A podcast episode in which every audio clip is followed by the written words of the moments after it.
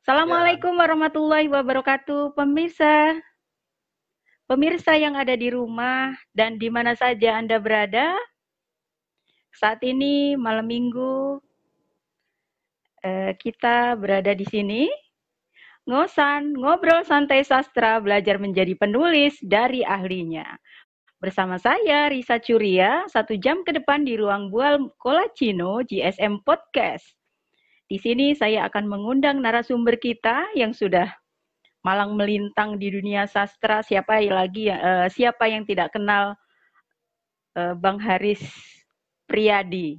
Nah, malam ini kita kehadiran tamu Bang Haris Priyadi yang akan uh, ngobrol santai bersama kita dan mudah-mudahan nanti uh, apa yang disampaikan menjadi sesuatu yang bermanfaat untuk kita semua yang hadir di sini. Oke, sebelum kita beranjak kepada hal yang lebih fokus lagi, saya akan membacakan uh, biodata naratif Bang Haris dulu. Bang Haris Priyadi bah adalah seorang pewujud pemanggungan sutradara dan teater, penafsir atau aktor, penulis teks dramatik, naskah drama, dan puisi. Bersama grup teater yang didirikannya pada tahun 1989 Kelompok teater kami aktif memanggungkan teks-teks dramatik yang ditulisnya sendiri pun penulis lain. Baik dari dalam negeri dan juga penulis asing atau mancanegara. Wah, keren ya. Tercatat telah puluhan karya pemanggungan teater yang digarapnya. Kelompok teater kami adalah grup teater yang kerap kali bekerja sama dengan pusat-pusat kebudayaan asing yang ada di Indonesia, seperti British Council, The Japan Foundation, Pusat Kebudayaan Australia, Australian Embassy, Australian Indonesia Institute, Erasmus House, dan Pusat Kebudayaan Amerika, at Amerika. Gaya dan bentuk penyutradaraannya sangat unik dan khas. Yang terlihat begitu kental dan kuat dalam memadukan bahasa teks dengan bahasa tubuh aktor-aktornya yang diwujud tampakkan dengan mengangkat teks-teks dramatik atau naskah drama yang bergenre realis dalam bentuk pemanggungannya yang sangat imajinatif. Beberapa teks eh, dramatiknya telah pula dibukukan, di antaranya adalah Bah Trilogi, yaitu pergaulan dalam tiga pemeristiwaan teater. Nah, terus kemudian beliau juga adalah seorang dosen, mengajar di London School of Public Relations, Communication and Business, Institut dengan mata kuliah Introduction of Performing Arts. Wah, keren banget. Banyak sekali nih. Buku-bukunya adalah uh, Jalan Kesaksian dan Sajak. Adalah buku puisi tunggalnya yang kedua yang baru saja terbit di bulan November. Yang pertama itu puisi Sabda, sajak-sajak apostolik terbit pada tahun lalu yaitu di 2019 juga di bulan November sama. Jadi sama-sama bulan November ini terbit e, dua buku 2019 dan 2020. Nah, oleh karenanya Bang Haris ini bukan hanya seorang e, aktor teater tapi juga seorang pemuisi, seorang penyair dan nanti di akhir di akhir acara ini Bang Haris juga akan membacakan satu puisi e, buah karyanya. Oleh karenanya Kok hilang ini Bang Haris ya?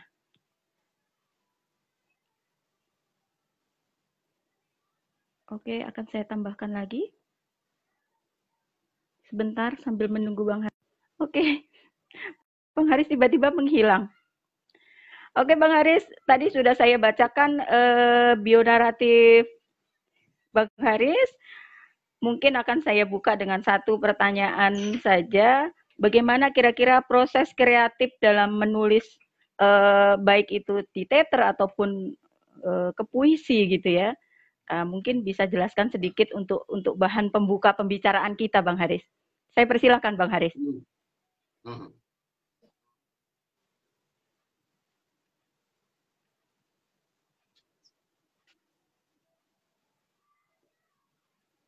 Ya, uh, aku sengaja memakai masker ini untuk menjelaskan bahwa sebagai warga negara, aku adalah warga negara yang patuh pada peraturan pemerintah. Kira-kira begitu ya. Uh, baik, terima kasih Mbak Risa. Uh, selamat malam teman-teman semua. Selamat malam sahabat-sahabat jagat sastra milenial. Malam ini adalah malam minggu yang sangat menggairahkan bagiku. Dan aku berharap malam ini juga menjadi malam yang menggairahkan bagi teman-teman semua. Karena malam ini kita akan uh, berbicara tentang seni teater dan sastra, sebuah bidang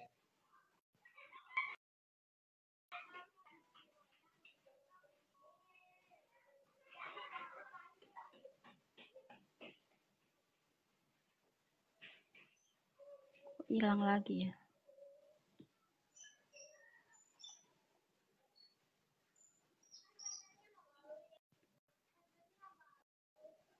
Iya, ada trouble sedikit ya.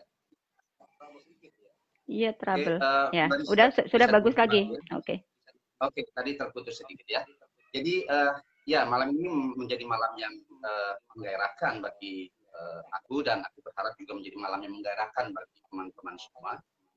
Karena malam ini kita akan uh, berbicara tentang seni teater dan sastra, sebuah bidang kesenian yang sama-sama kita cintai Bukankah cinta adalah uh, selalu menggairahkan?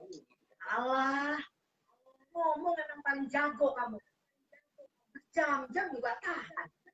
Giliran disuruh cuci baju sepuluh potong aja nggak sanggup. Kamu nggak sanggup, bayar tuh laundry. Duit nggak gablek, males.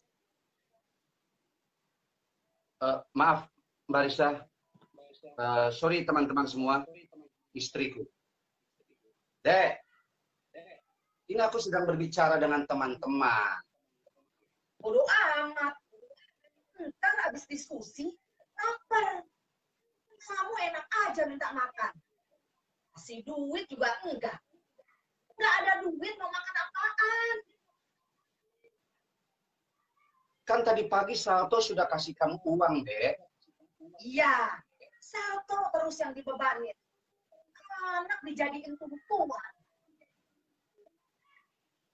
Ya sudah. Nanti malam setelah aku selesai kita diskusikan ya. Sekarang tolong kamu diam, oke? Okay? Ini aku lagi aku lagi tuntun oleh banyak orang. Oke, okay, aku diam. Tapi ntar abis capek, abis capek-capek ngomong, kamu nggak usah minta makan. Nggak usah minta makan, ntar habis capek-capek ngomong. Ngomong nggak ada capek-capek. Nggak ada capek-capeknya kamu ngomong. Gue heran. Gue aja yang nggak dengerin ngomong capek. Heran gue. Ya oke okay, oke. Okay. Oke okay, cukup deh. Cukup.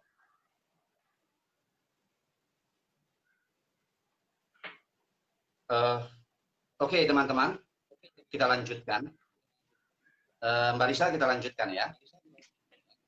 Oke oke Bang Haris, silahkan Bang Haris. Uh, Ini agak trouble ya, sinyal teman, Bang Haris ya. Teman-teman baru saja mendengar tadi uh, ada sedikit keributan kecil antara aku dan istri. Tapi tentu saja ini sesungguhnya bukan keributan yang sebenarnya. Jadi itu adalah uh, semacam rekayasa yang aku buat uh, dengan mendramatikan dialog-dialog yang sederhana. Ya ini hanya untuk membuat semacam gimmick bagi forum diskusi kita pada malam hari ini. Nah barangkali ini juga bisa uh, menjadi contoh dari pertanyaan Barisa tadi. Seperti apa sih Uh, mohon maaf pemirsa yang ada di rumah, mungkin ada trouble sedikit dengan dengan uh, sinyal Bang Haris di Oke, sudah bisa Ya. masuk lagi. Oke, bisa masuk lagi ya. Keluar masuk, keluar masuk ya. Oke. Ya, jadi itu tadi Sinyalnya mungkin di sana kurang itu. Eh, baik kok di sini sinyalnya. Nggak tahu mungkin eh ya trouble lah biasa teknologinya. Jadi eh, itu bisa menjadi contoh dari pertanyaan Barisa tadi bahwa seperti apa sih proses kreatif dalam aku menulis naskah drama atau dalam istilahku eh, teks dramatik gitu ya. Em, ya eh, dalam tradisi aku sebagai penulis naskah drama, aku biasa eh, mengangkat tema-tema keseharian begitu. Eh, baik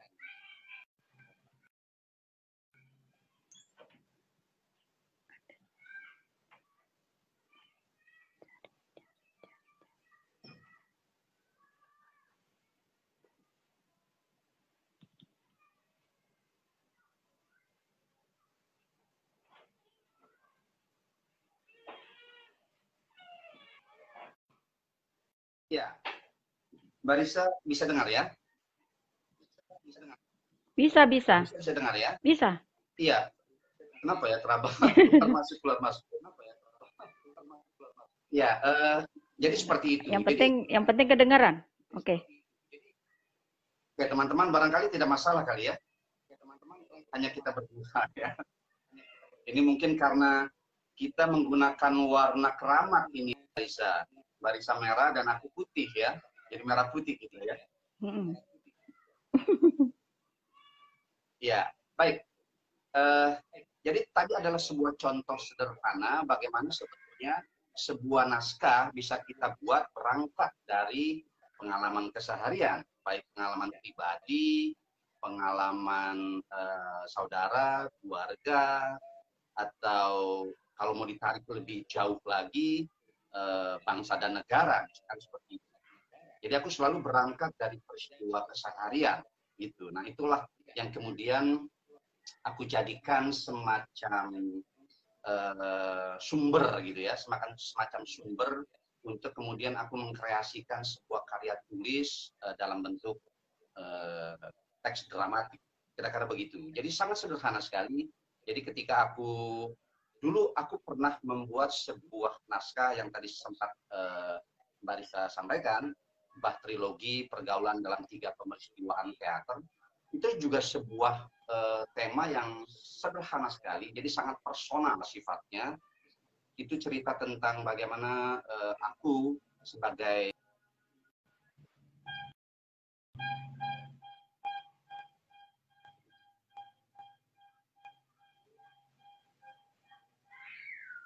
ya baik terputus lagi tadi ya, mohon maaf.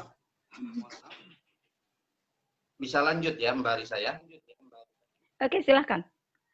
Ya, oke. Jadi eh, dalam bah trilogi pergaulan dalam tiga peristiwaan teater, misalkan itu berkisah tentang seorang pekerja teater yang eh, menghadapi konflik keluarga karena eh, istrinya sebagai seorang perempuan, sebagai seorang ibu dan sebagai manusia tentu saja butuh eh, apa eh, hal-hal yang keseharian, untuk makan, untuk jajan anak dan lain sebagainya. Tetapi aku dalam hal ini sebagai mampu menyediakan itu, kira-kira begitu. Nah konflik itu kemudian dibangun sedemikian rupa dan eh, aku tuliskan menjadi sebuah naskah yang berjudul eh, Gegerungan.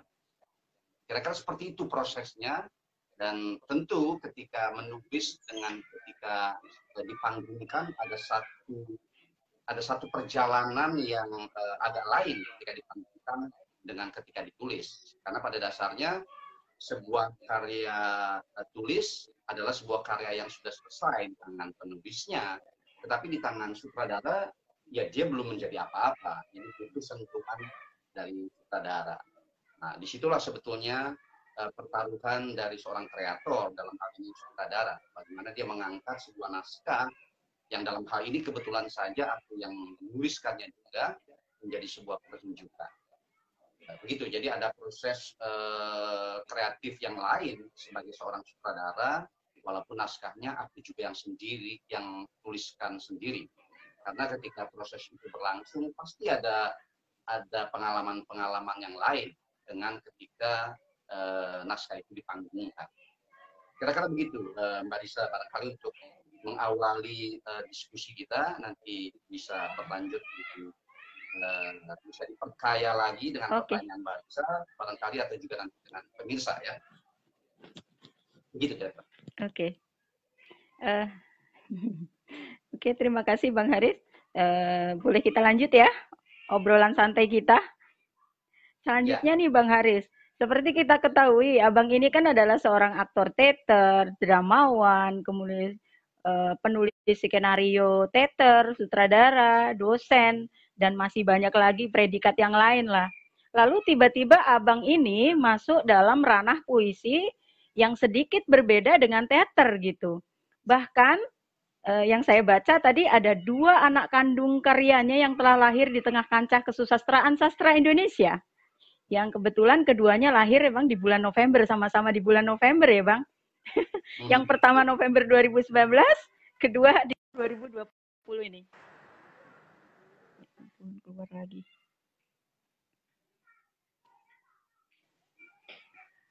Sebentar terjeda, mungkin eh, di sana sedikit ya di tempat bang. Eh, sambil ya. menunggu. Ya, ya oke. Okay. Oke? Okay? Ya. Bang Haris bisa ya. mendengar saya? Iya, bisa, bisa. Oke. Okay. Uh, eh, ya. Jadi uh, dua anak kandung karya Bang Haris dalam bentuk puisi ini pun lahir pula di dunia sastra. Nah, pertanyaannya kenapa bisa Bang gitu loh ya? Kenapa bisa gitu? Apakah ini sebuah kesengajaan yang dibangun sedemikian rupa atau ketidaksengajaan yang uh, apa ya? Sebuah ketidaksengajaan yaitu ke sebu sebuah ketersas ketersesatan jalan, tapi menarik. Saya punya dua anak kandung. Ya.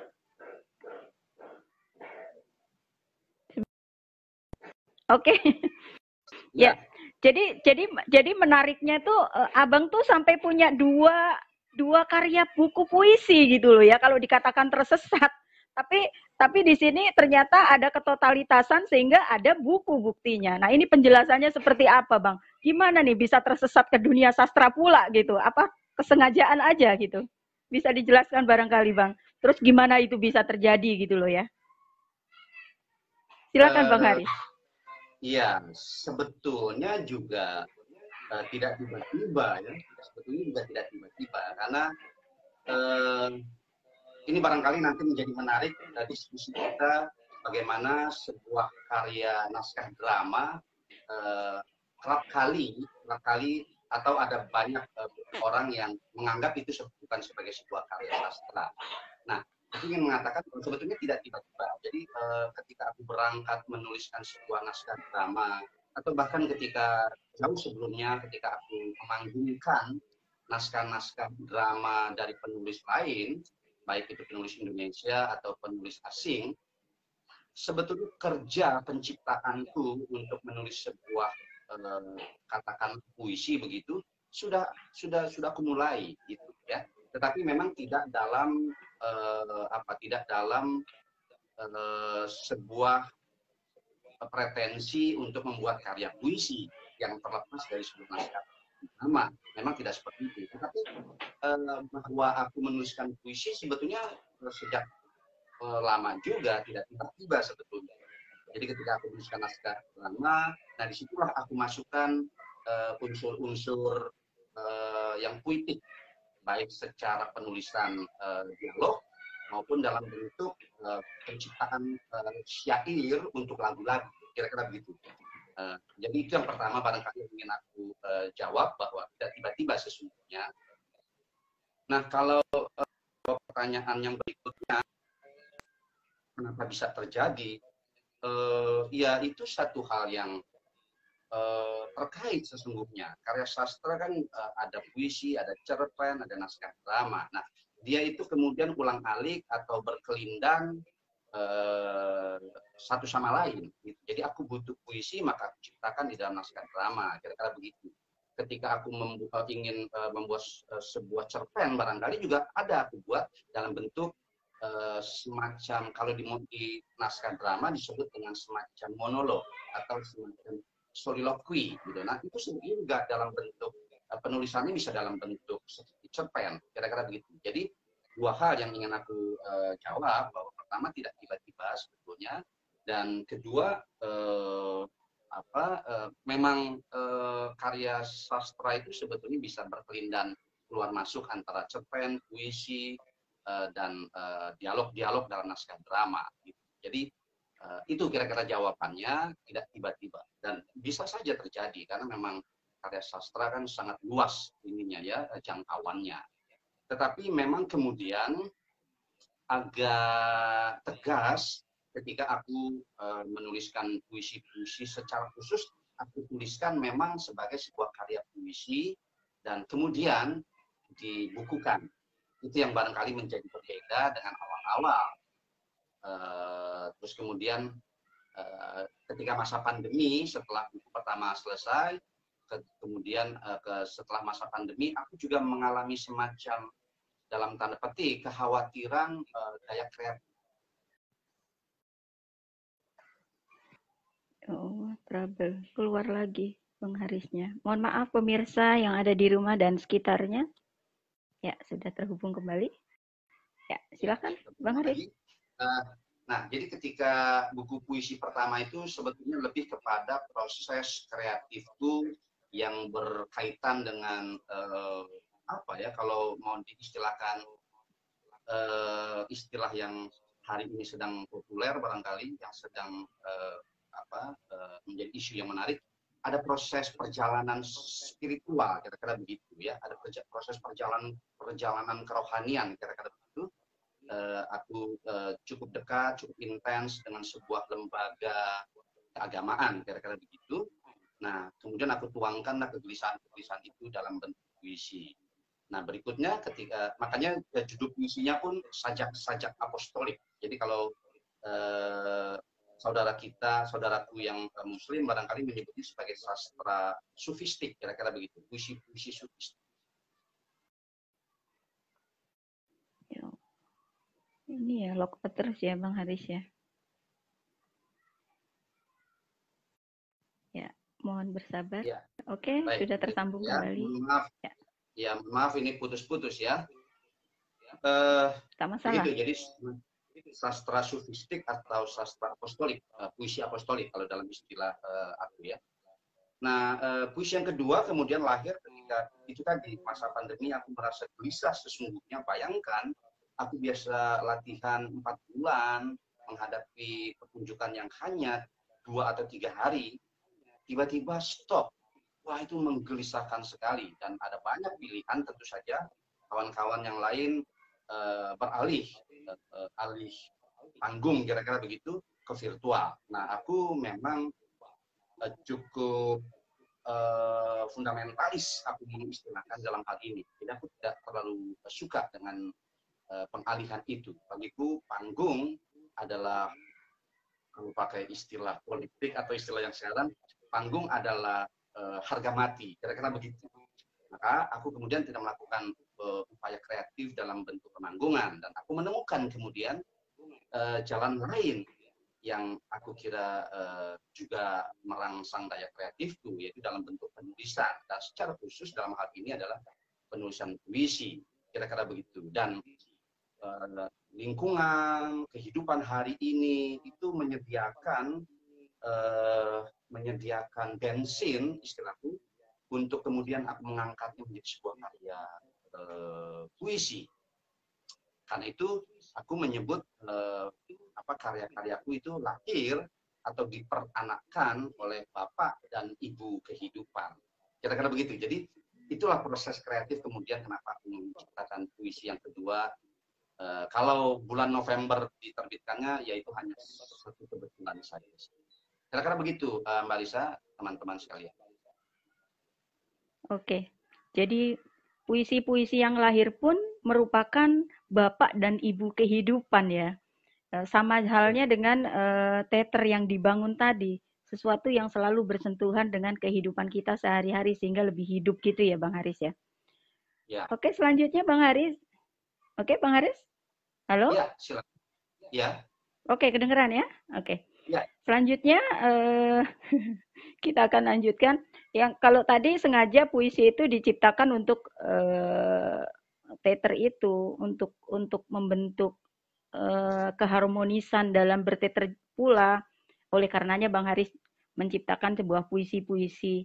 Nah, sekarang pertanyaannya adalah kalau dari naskah puisi atau teks puisi itu sendiri, teks puisi itu sendiri apakah bisa dijadikan lakon dalam pertunjukan teater, Bang? Kalau bisa, kira-kira genre puisi seperti apa yang pas untuk itu? Dan kira-kira apakah harus diubah dulu menjadi teks skenario teater atau ya sudah apa adanya puisi itu bisa jadi langsung langsung teater gitu. Hanya gestur tubuh aja yang main. Seperti apa, Bang? Ini pertanyaan yang menarik sekali ya. Aku ingin menjawabnya uh, lebih ekstrim ya. Menjawabnya lebih ekstrim dengan satu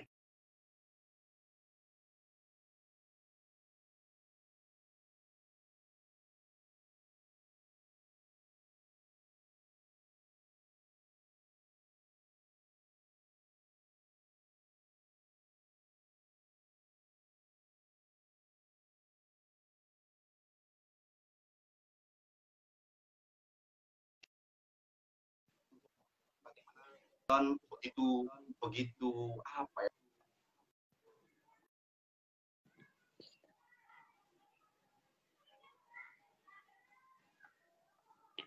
Uh, mohon maaf pemirsa, ini mungkin ada gangguan internet di sana ya. Ya, oke, Bang Haris bisa masuk kembali. Oke.